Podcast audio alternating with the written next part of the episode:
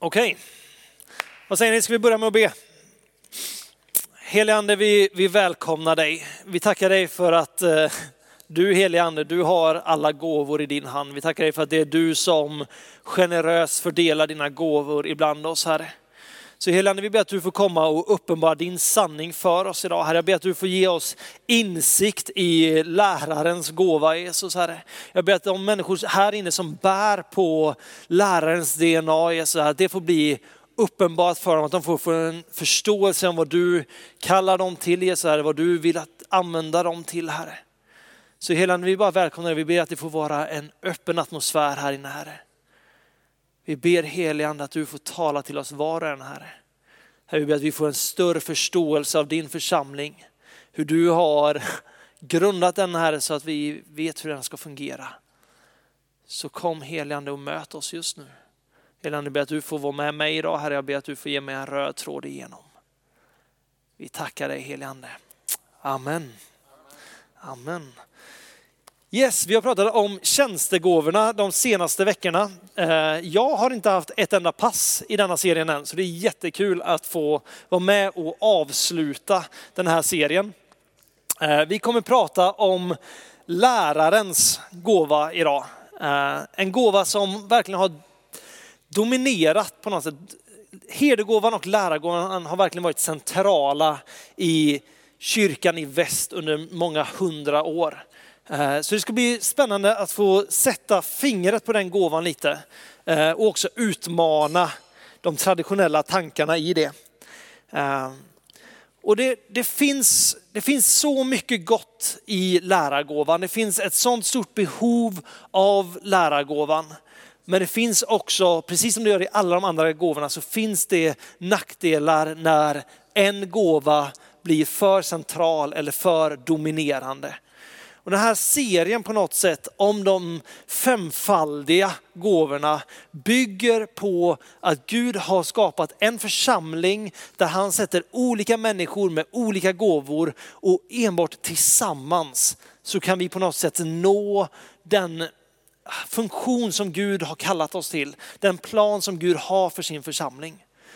Lärargåvan är en del i det, men den är också i behov av de andra gåvorna. Eh, så det här ska vi gå in och kolla lite i. Tänker vi ska börja med ett bibelord. Så om vi får upp första Korintierbrevet 12, 27 till 28. Ni är alltså Kristi kropp och har var för sig delar av den. Gud har i församlingen för det första satt några till apostlar, för det andra några till profeter, för det tredje några till lärare sedan några till att göra kraftgärningar, andra till att få gåvor att bota sjuka, till att hjälpa, styra och tala olika slags tungomål. Och sen fortsätter Paulus med en lång lista av olika gåvor eh, som är i bruk i församlingen. Min poäng med, med den här texten är bara att göra det så tydligt från början att vi är Kristi kropp.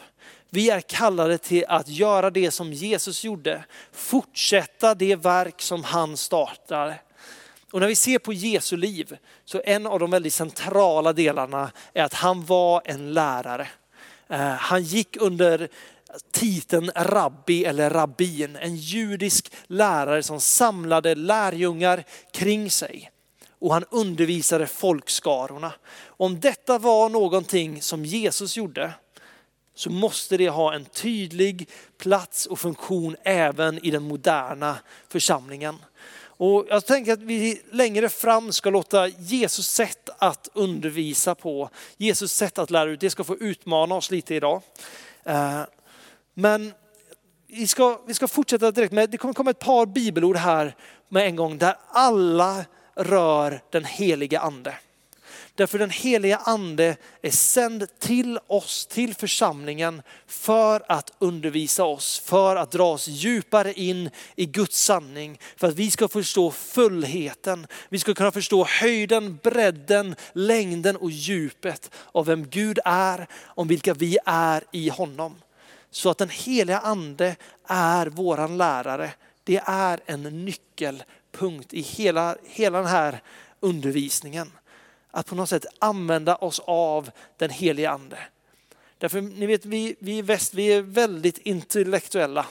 Vi lägger väldigt stort fokus vid det mänskliga intellektet med utbildningar, med universitet, med fakta bakom. Och det, det är mycket som är sunt i det. Det är jättemycket som är bra i intellektet när vi belyser det och vår förståelse av det. Men vi får inte glömma det att när vi pratar om Bibeln, när vi pratar om Guds rike, så pratar vi om saker som går över det mänskliga förståndet. Bibeln talar om att den heliga ande ger oss vishet om vem Gud är. Det är den heliga ande som visar oss Guds natur. Så det finns en grad som vi kan komma till i mänsklig förståelse genom teologi och liknande. Men vi behöver den heliga ande för att verkligen kunna förstå vem Gud är. Så vi kan få upp Johannes eh, 14, vers 25-26. Detta har jag sagt er medan jag ännu är kvar hos er. Men hjälparen, den heliga ande som fadern ska sända i mitt namn, han ska lära er allt och påminna er om allt som jag har sagt. Detta är vad Jesus säger. Han säger, jag ska lämna er, men jag ska sända den heliga ande till er och han ska påminna er om allt det som jag redan har undervisat om er. Allt det som jag undervisat ska han påminna om, men han ska också eh, lära er allt. Det är genom den heliga ande som vi får en större förståelse om vem Gud är. Eh, vi går direkt vidare till första Korintierbrevet 2, 16. Eh, 10-16. Eh, Gud har uppenbarat det för oss genom sin ande. Anden utforskar allt, även djupen i Gud. Vem vet vad som finns i människan utom människans egen ande? Så vet heller ingen vad som finns i Gud utom Guds ande. Men vi har inte fått världens ande utan anden som är från Gud. För att vi ska veta vad vi har fått av Gud. Det förkunnar vi också. Inte med ord som mänsklig visdom lär utan med ord som anden lär. När vi förklarar andliga ting med andliga ord. En oandlig människa tar inte emot det som kommer från Guds ande. Det är dårskap för henne och hon kan inte förstå det eftersom det måste bedömas på ett andligt sätt. Den andliga människan däremot kan bedöma allt. Men själv kan hon inte bedömas av någon. För vem har lärt känna Herrens sinne? Vem kan undervisa honom? Men vi har Kristi sinne. Genom att vi har fått ta emot en helig ande så kan vi på ett väldigt personligt sätt få uppenbarelser ifrån Gud där vi får förstå vad det är som ligger på Guds hjärta. Det Paulus så enkelt säger här, att det här går över mänskligt förstånd. Detta går bortom mänsklig vishet. Vi behöver Gud, Gud själv som lärare för att vi ska kunna förstå höjden, bredden och djupet. Den heliga ande har kommit för att leda oss in i all sanning. Det står så här i Johannes 16, vers 13 och kör till 15 Jenny. Ja. Eh, men när han kommer, sanningens ande, då ska han leda er in i hela sanningen. Han ska inte tala av sig själv utan bara tala det han hör. Han ska förkunna för er vad som kommer att ske. Han ska förhärliga mig, alltså Jesus, för han ska ta av det som är mitt och förkunna för er. Allt som fadern har är mitt. Därför sa jag att han ska ta av det som är mitt och förkunna för er. Genom den heliga ande så ska vi få insyn i hela sanningen. Genom den heliga ande så får vi förstå vem Gud är läraren. Läraren är satt i tjänst för att undervisa församlingen. På samma sätt som den heliga ande får komma med uppenbarelse så är lärarens uppdrag att helt enkelt träna församlingen in i förståelse av de andliga tingen. Så en lärare är i desperat behov för att kunna göra det han är kallad till, så är han i desperat behov av den heliga ande. Han behöver själv få det uppenbarat av Gud vad som är sanning för att sen kunna ge det vidare. Och kollar vi på den ganska traditionella bilden av, av en lärare, det, det, är det här med intellektet. Det är längtan, det är drivkraften att kunna förstå Guds ord. När vi kollar på eh, teologi så är det kunskapen om Gud. Eh, I en av mina eh, böcker från, från teologiska programmet så är det en person som förklarar teologi med faith seeking understanding. Det handlar om att tro, det vi tror, det vi har upplevt, längtan efter att kunna förstå det, att på något sätt kunna greppa det och sen applicera det in i det mänskliga livet. Det är lärarens uppgift, att ta Guds ord och kunna göra det greppbart för människor. En nackdel som ofta kommer med, Eh, med läraren är att han, han är så brinnande för den här kunskapen, för att förstå det. Så det handlar om att sitta och studera och studera och studera och man glömmer lätt bort den andliga delen i det. Att vi har fått den heliga ande för att han ska kunna visa och uppenbara texterna för oss. Det är, ett, det är ett privilegium på många sätt att få studera teologi, att få lära sig om, om den, de gamla kontexterna, lära sig hur, de, hur judarna såg på, på skrifterna eller hur den tidiga kyrkan tolkade det. Men det vi undervisar i kyrkan, det, det som på något sätt är Guds ord. Bibeln beskriver det själv som, som ande och sanning. Guds ord är skarpare än något tveeggat svärd. Det skär igenom märg och ben. Därför det är Guds uppenbarade ord. Guds ord är liv. Och att, för, att på verkligt sätt kunna fånga det så behöver vi den heliga ande för att kunna greppa det. Därför annars blir det, annars blir det lära. Och lära är, det är nyttigt på många sätt. Men kollar vi bara på kyrkans historia, kollar vi på, på så som det varit tidigare så har också lära skapat extremt mycket problem. De stora eh, schismerna inom kyrkan, de stora fighterna har nästan alltid varit om lära. Det har alltid kommit ner till en fråga om är det så här Guds, Guds ord ska tolkas eller är det så här? kollar vi i stort sett varenda sekt som finns så grundar de sig i falsk lära. En lärare som lägger ut en gudstext och förvränger den så att människor tror att det är sanningen och de hamnar bortanför evangeliet. Bortanför det som är kärnan i Bibeln. Så ofta kommer det ner till kärnan av undervisning, av lärarens gåva att öppna upp och förklara Guds ord. Den här boken, det är en av de största gåvor som vi har fått. Nåden från Jesu kors, det är den största. Heliga ande faller in i samma kategori. Det kristna livet går inte att göra utan korset och utan den heliga ande. Men vi har blivit betrodda med Guds ord. Där Gud själv talar genom människor till sitt folk, sätter sina stadgar, visar så här är ni kallade till att leva. Det här är en fantastisk gåva. Men om vi kollar på det också så har den här boken också så många gånger använts till att göra så mycket skada. Så mycket fördärv som har kommit genom undervisning från denna boken. Det är lärarens gåva att se vad är det som är Guds ord. Hur håller det sig inom ramarna för Guds ord för det kristna evangeliet? Och predika det på ett sunt sätt som gör att det blir en levande församling som får mogna i sin tro. Jakob i, eh, eh Jesu bror eh, skriver ganska hårt ord om, eh, om lärare. Han skriver så här i Jakob 3.1. Mina bröder, inte många av er bör bli lärare. Ni vet ju att vi ska få en strängare dom. Det är inte det mest uppmuntrande ordet. Jag tänker det för mig själv också som nu får stå här och undervisa.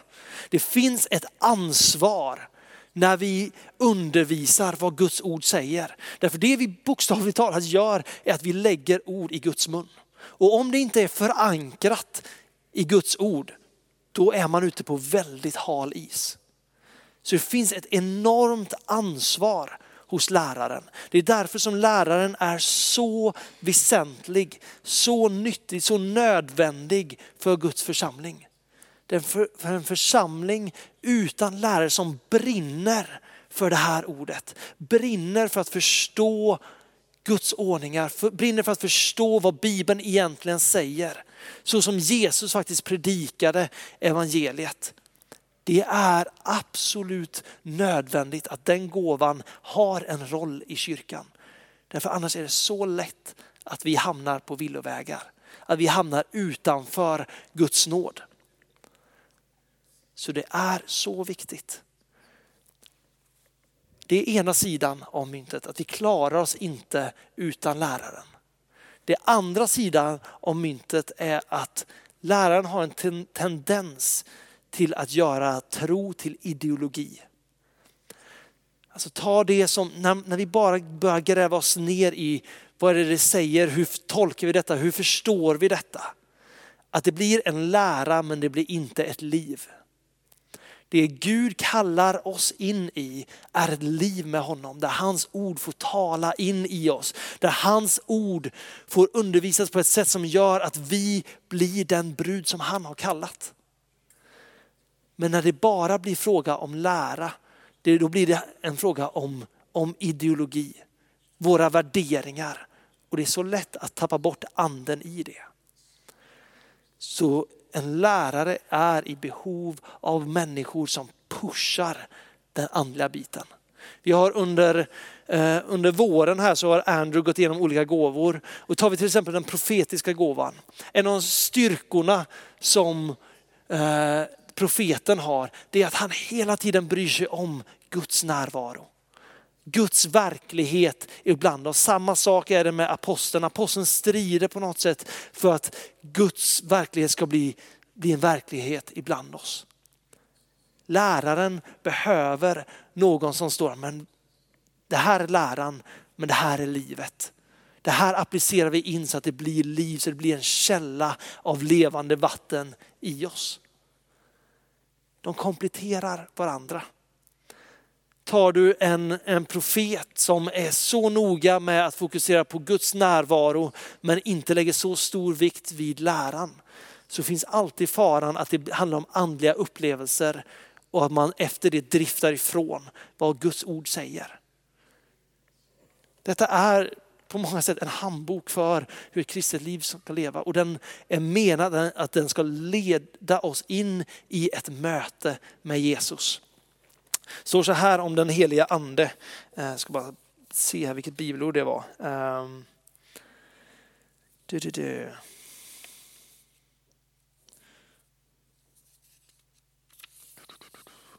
För mycket bibelord här. Framförallt när man börjar hoppa emellan de olika orden, då blir det då blir det jobbigt att hålla isär. Um, Okej, okay, vi, vi återkommer till det så håller jag ordning på mina papper. Um, men Guds ord, Guds ord är en grundpelare för den kristna tron. Allt det vi bygger, allt det vi undervisar i den här församlingen måste vara byggt på Guds ord. Därför i längden så är det bara det som är byggt på Guds ord som kommer att hålla. Så att ha en, en lärare som ivrar för att människor ska få upptäcka skatterna i Guds ord. Det är, det är en gåva in i församlingen. Men läraren måste också, precis som alla de andra gåvorna, mogna, inse behovet, se det större perspektivet av att de andra gåvorna kommer tillbaks kollar vi kyrkan i, i väst har den varit så dominerad av just eh, herdar och lärare. Kan gå in i väldigt, väldigt många kyrkor här i Sverige och du kan få bra undervisning. Du kan få ganska djup undervisning och en bred förståelse. Men du, du saknar den andliga biten, du saknar det andliga livet. Vad händer när vi har så mycket kunskap om Gud men vi vet inte riktigt hur vi ska förhålla oss till honom i en relation? Jenny är ju, är ju en gift kvinna. Tänk nu om Jenny fick en bok. Hon fick en instruktion av att så här är man en god hustru. Det finns till och med ett kapitel om det i Ordspråksboken. Sista kapitlet i Ordspråksboken. En god hustru, det är bra att läsa. Eh, utmanande för eh, både män och kvinnor tror jag. Eh, skämt åsido. Om Jenny fick en bok om att så här är man en bra hustru och hon följer den till punkt och pricka men inte spenderar någon tid med, med Axel, hennes man. Så hon kan göra rätt saker som ändå kommer bli fel. Därför i en relation så behövs det intimitet. Det handlar om att man lär känna den andra parten. Det handlar om att man förstår vad den andra personen älskar. Vi har alla olika kärleksspråk. Vi har saker som vi tar emot på olika sätt. Jag är inte en ordmänniska. Folk kan säga fina saker till mig jag kan vara tack, det var, det var snällt sagt, men det är inte riktigt det som, det som träffar mitt hjärta. Men när en människa väljer att spendera tid med mig, när en människa väljer att avsätta sin tid för att vara med mig, då känner jag mig älskad. Samma sak är det i ett äktenskap, samma sätt är det i Gud. Att genom att umgås med personen så lär man sig förstå hur den personen fungerar. Så vi kan ha all den bästa läran i världen. Men utan relationen, utan den andliga biten i det, så kommer vi aldrig riktigt kunna komma in hjärta till hjärta med Gud. Därför den kristna tron handlar inte om, det handlar inte om lära utan det handlar om en relation. Men här har vi Guds sanningar som behöver proklameras ut så vi vet att det vi gör är sant. För det finns människor som har haft andliga upplevelser som tänker att detta behagar Gud, som sedan går rakt emot vad Guds ord säger. Och då kan jag lova dig att den personen har missuppfattat någonting. För detta ordet är inspirerat av Gud, det är gett oss från Gud genom människor. För att vi ska förstå hur vi ska förhålla oss i hans rike. Så det som går emot Guds ord, det kommer inte från Gud, det behagar inte Gud. En lärare som driver, längtar efter att förstå det här ordet på djupet och kunna förmedla det till en annan människa. Det är, det är guld värt. Alltså om, vi tar, om vi tar Paulus eh, som exempel. Paulus åker runt och han, han gör människor till lärjungar, han undervisar eh, personer i tron. Och det finns en, eh, ett exempel här när han skriver till kyrkan i Korint. Eh, vi har första Korintierbrevet 3, vers 1. Skriver han så här till dem. Bröder, själv kunde jag inte tala till er som till andliga människor, utan bara som till kötsliga människor. Spädbarn i Kristus. Mjölk gav jag er att dricka, fast föda fick ni inte, för den tålde ni inte än. Och det gör ni inte nu heller. Det finns en mognadsprocess hos läraren också. Därför en, per, en, person som precis har tagit emot Kristus, har fått ta emot nåden och börjat inse saker om vem Gud är. Om vi går in och bara kör undervisning som ligger så långt över dem, som går så mycket längre än vad deras förståelse sträcker sig till, så är risken för det att det blir en katastrofal utföljd av det. Det Paulus säger är att jag måste ge er bebismat i undervisning. Jag måste ge er små portioner så att ni kan förstå detta, så att ni kan ta det till er. Så att det blir levande i er innan jag sen kan börja ge er den fasta födan. Det som verkligen styrker, det som går den långa vägen. Men om, om jag tolkar Paulus rätt här, om jag förstår mig på honom, så det han på något sätt säger här är att om ni har hört detta men inte har fattat grejen, då är ni fortfarande omogna. Så att om all den undervisning som jag har fått i mitt liv, och jag har fått mycket undervisning. Jag, jag har varit i kyrkan sedan jag föddes. Eh, jag har hört olika predikanter, jag har lyssnat på podcast, jag har läst olika böcker. Så jag har byggt upp extremt mycket kunskap genom åren på olika områden. Frågan är hur mycket av det tar sig uttryck i mitt liv? Hur mycket av allt det som jag har lärt mig lever jag faktiskt ut? Hur mycket bebismat skulle jag egentligen behöva på de grundläggande sakerna när någon bara säger okej, okay, vi tar ett steg i taget. Detta är väsentligt, lär dig detta, få detta att forma ditt liv innan vi går vidare och tar nästa steg. Andrew har eh, citerat det ett par gånger under den här våren. Eh, att vi är undervisade eller lärda långt över vår egen lydnad.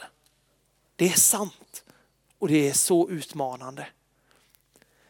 Tar vi Jesus som exempel. Vi säger alltid Jesus, han är förebilden. Jesus är våran modell, han som vi vill bli lik, honom som vi vill efterlikna. Det liv som Jesus levde, det är modellen efter vad vi ska sträcka oss efter. Den relationen han hade med fadern, sättet som han älskade människor. Människor som ingen annan kanske ens såg.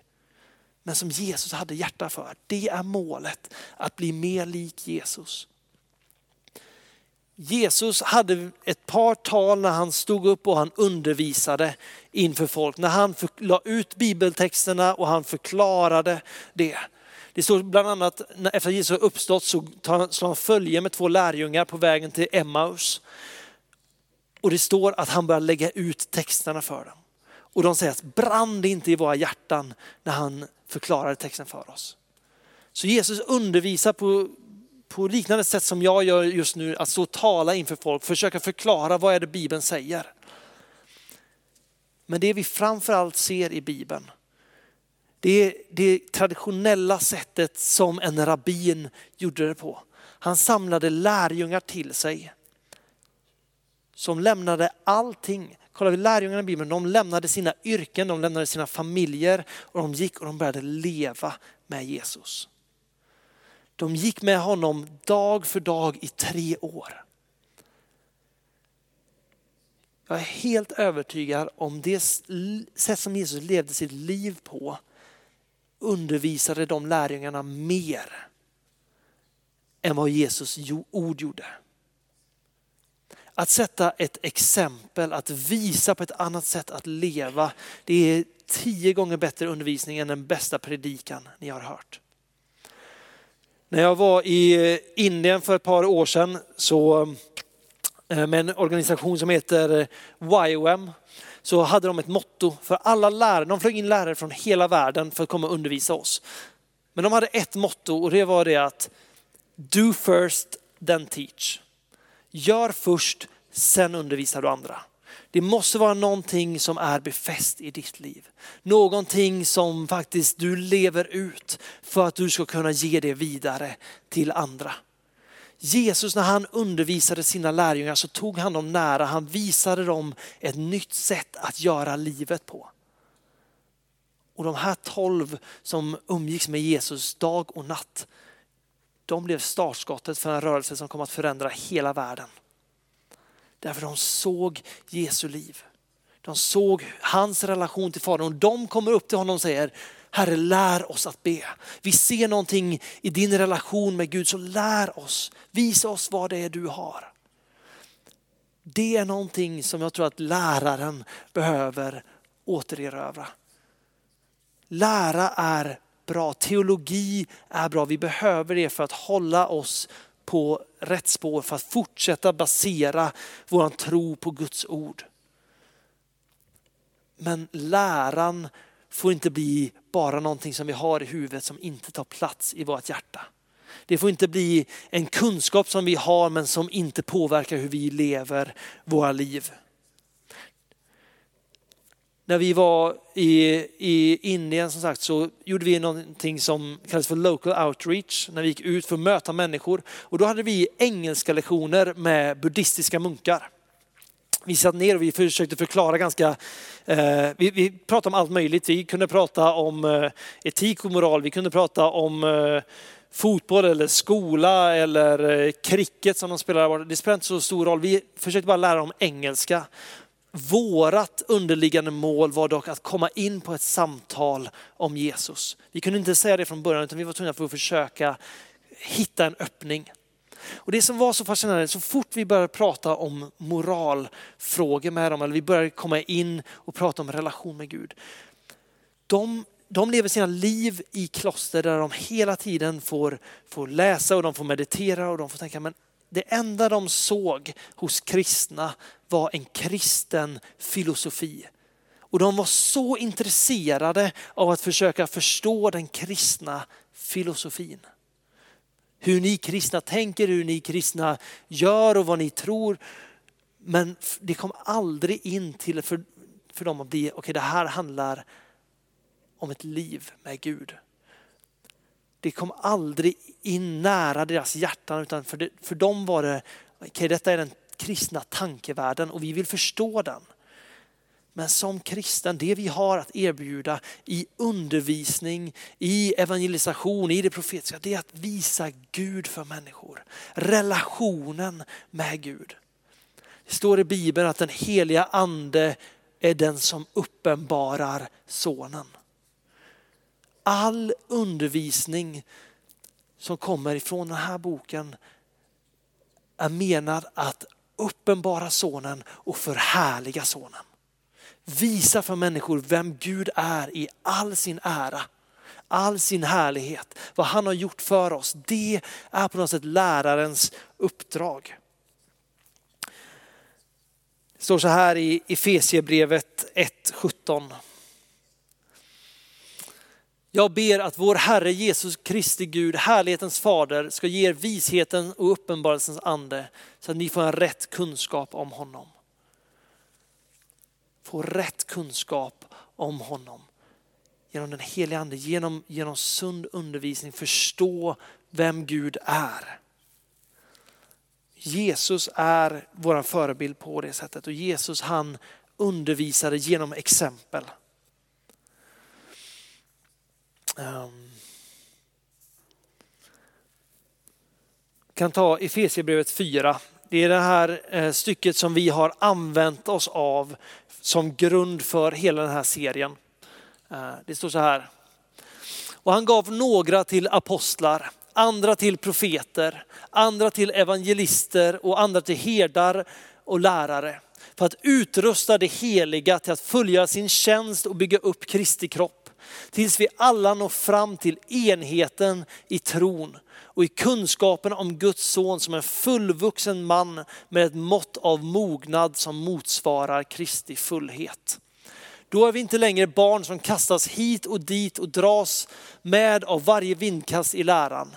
När människorna spelar sitt falska spel och listigt förleder till villfarelser.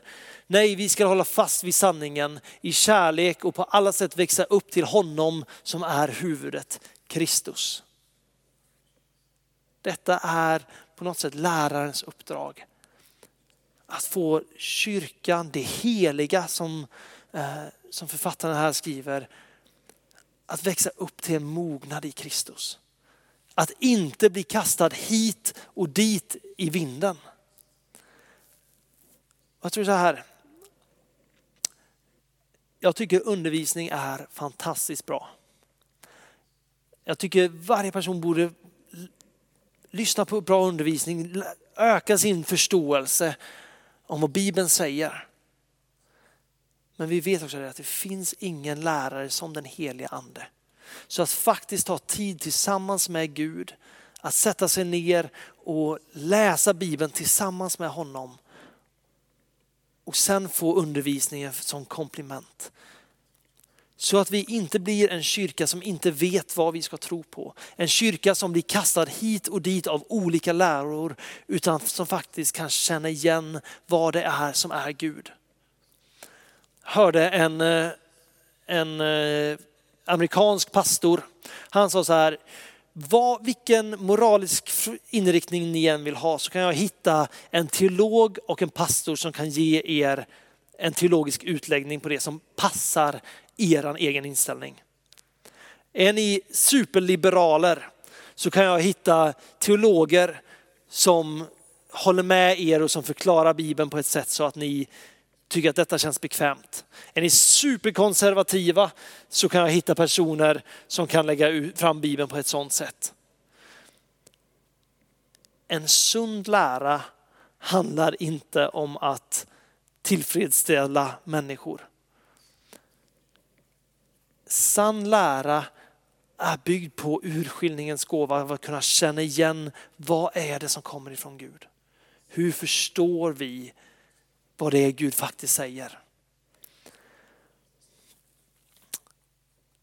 Men läraren är som sagt i desperat behov av de andra.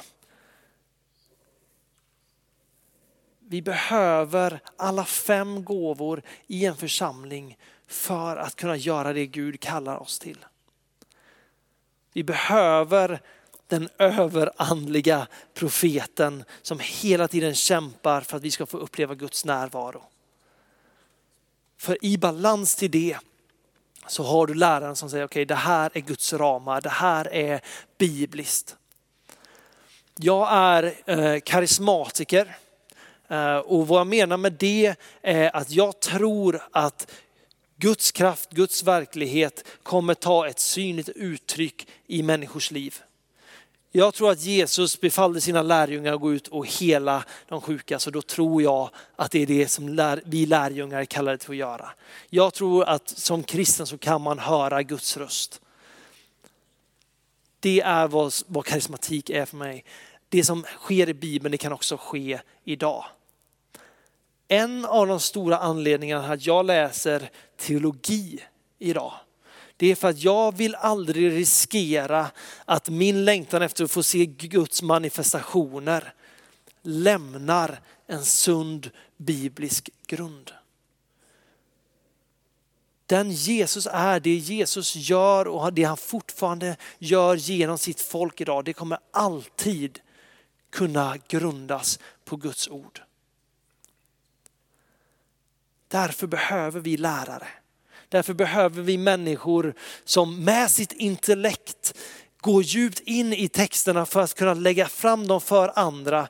Så att vi som kyrka kan stå stadigt på den klippa som aldrig skakas och lägga fram texterna så att vi kan ha en sund karismatik där vi får se Guds under och tecken, där vi får möta hans närvaro, där vi får förmedla profetiska ord till människor.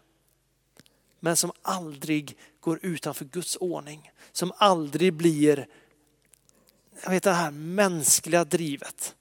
När vi jagar efter saker som kanske inte alltid är Gud. Ehm, så karismatik kristen karismatik måste grundas på Bibeln. Därför behöver vi lärare, människor som brinner för Guds ord. Som alltid håller upp Guds ord.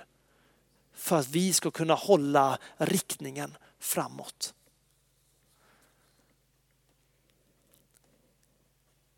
Andrew har sagt det, jag hänvisar mycket till Andrew nu så det är en fördel. Då vet ni att det är pålitligt. Andrew har flera gånger talat om, jag tror han har gjort eh, symboliken med handen va? när det kommer till eh, gåvorna. Eh, Tummen bland annat som brukar eh, symbolisera aposteln, den når alla gåvorna. Det är den som liksom strukturerar upp, ser till så att saker och ting händer, ser till så att människor hittar sin plats och som kan liksom fungera i de olika tjänstegåvorna för att få saker och ting att hända.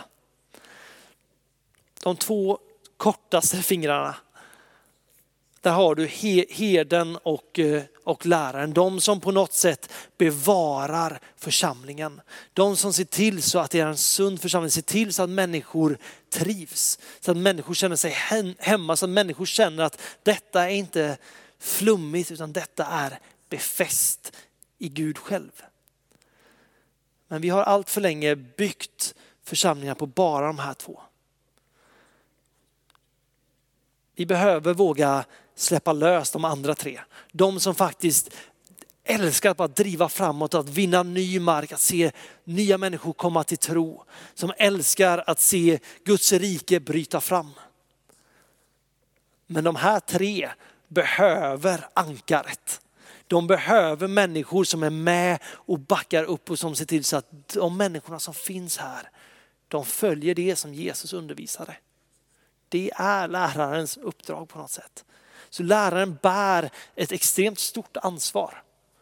Att se till så att det är sund kristen tro som undervisas. Som, som Jakob sa det, eh, att vi, kommer, vi som undervisar, läraren kommer straffas hårdare därför vi måste se till så att det vi säger är, är Guds ord. Men det är ett privilegium och det är nödvändigt för Kristi kyrka att det är bibliskt. Att få se människor, det, det, det är fantastiskt när man får se människor börja förstå Bibeln. När människor får uppenbarelse om vad Guds ord verkligen innebär. Och man får kärleken till ordet. Och man verkligen bara, bara gott att säga, okej okay, men detta är sanning. För är Guds ord sanning, vilket jag till 100% ställer mig bakom, då går det också att testas. Det går att kritisera. Vi måste våga brottas med Bibeln. Och då behöver vi en lärare som kan gå in och kan förklara, okay, men detta är vad Bibeln undervisar. Detta är förståelsen vi behöver. Vi behöver de här människorna som inte är impulsiva, som inte är eh, känslostyrda, utan som kan se detta är det logiska i Guds ord. Impulsiva människor, jag är nog en ganska impulsiv person. Eh, vi, har väldigt, vi, vi ser möjligheter, vi hoppar på det och vi går. Men vi behöver de här stadfasta människorna som får vara som ett ankare i församlingen som ser till så att det vi gör är sunt. Jag tror, att, jag tror definitivt att det finns människor här inne som har lärarens gåva. Alltså människor som, som brinner för Guds ord.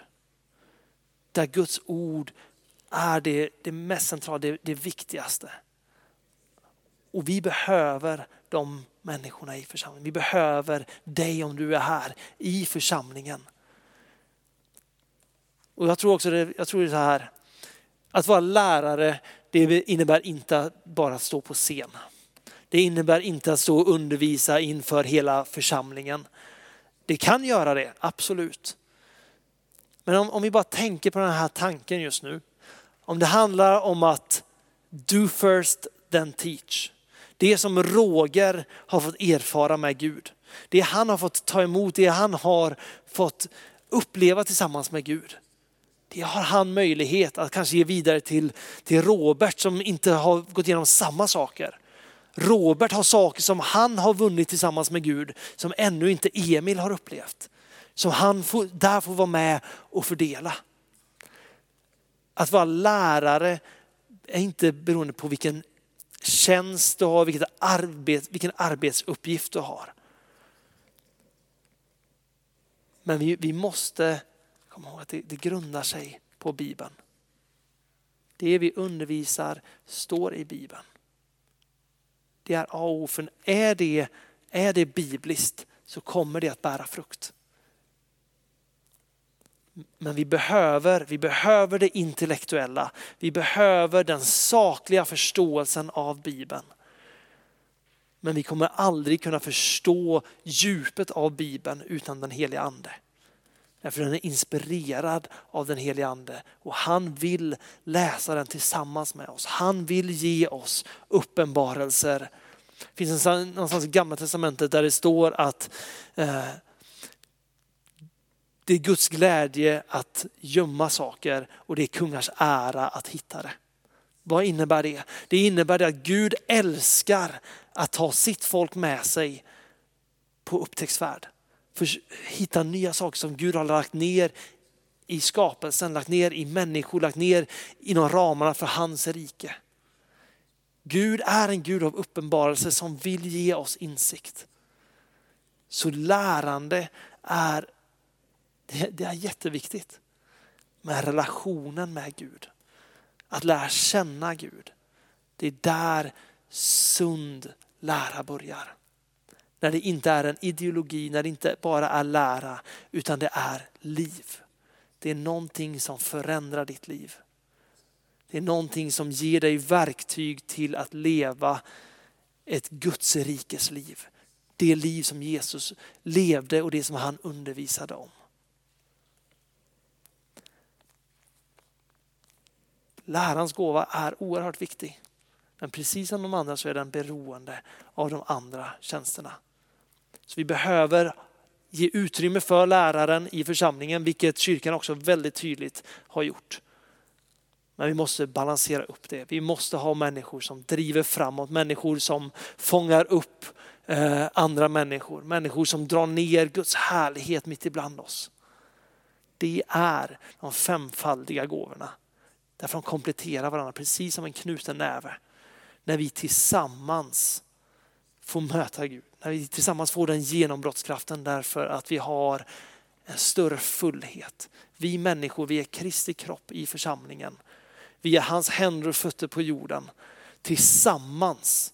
Det som Jesus kunde leva i en person, det lever vi tillsammans som Kristi brud. När, när Bibeln beskriver eh, bruden, det är singular, det är en brud. Han, han tar inte om flera brudar, det är inte bara så att eh, Roger är ena bruden och Kristina är den andra bruden. Utan vi tillsammans, vi tillsammans är Kristi brud. Tillsammans så utgör vi Guds kropp på jorden. Aposteln, profeten, läraren, herden och evangelisten. Tillsammans så kan vi på något sätt göra samma saker som Jesus gjorde, samma sak som Jesus sände ut lärjungarna att få göra. Men vi behöver varandra. Och mycket av det handlar bara om att börja tänka på sitt eget liv. Jesus, vad, vem är jag? Vad, vad har du lagt ner i mig? Vilken personlighet har du gett mig? För det är, det är inte, att ha den här brinnande iven för, för Guds ord, att verkligen vilja förstå, få andra människor att förstå.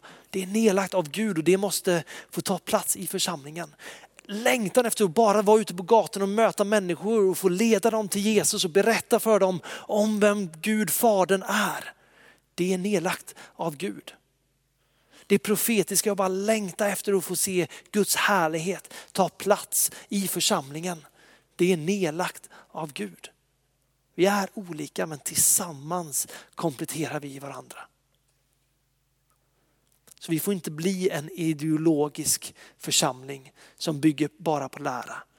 Men vi behöver läran för att ge en ram för det profetiska, för evangelisten, för eh, aposteln. Kan vi inte göra så att vi, vi ställer oss upp tillsammans.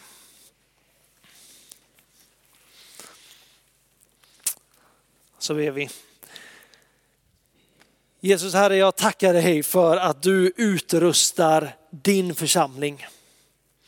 Jesus, jag tackar dig för att det finns apostlar i det här rummet, Herre. Jag tackar dig för att det finns profeter i det här rummet. Jag tackar dig för att det finns eh, herdar, lärare och evangelister i det här rummet. Herre. Jag tackar dig för att tillsammans har du utrustat Linneakyrkan för att utbreda ditt rike i Göteborg, Herre. Så helande, jag ber att du just nu får komma med din helande. Jag ber att du får röra vid våra hjärtan. Jag ber att du får uppenbara gåvorna som du har lagt ner i oss, Herre. Att vi får inse Jesus, att vi är är utrustade och kallade och utsända av dig. Herre, jag tackar dig för att det inte finns någon jämförelse i ditt rike. Jag tackar dig för att inte, du inte gör skillnad på människor Jesus. Utan jag tackar dig för att du ger generöst av din ande och dina gåvor. Så hela när jag ber dig att du får, får hjälpa oss till andlig mognad, var och en av oss Herre. Där vi får förstå hur din församling fungerar, hur ditt rikes principer fungerar.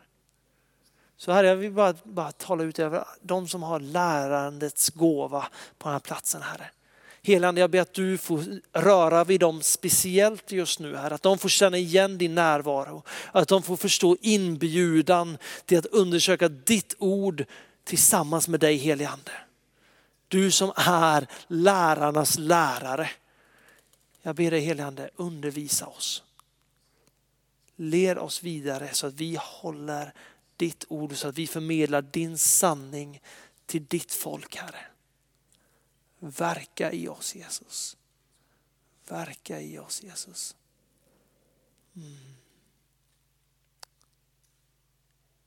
I Jesu namn. Amen.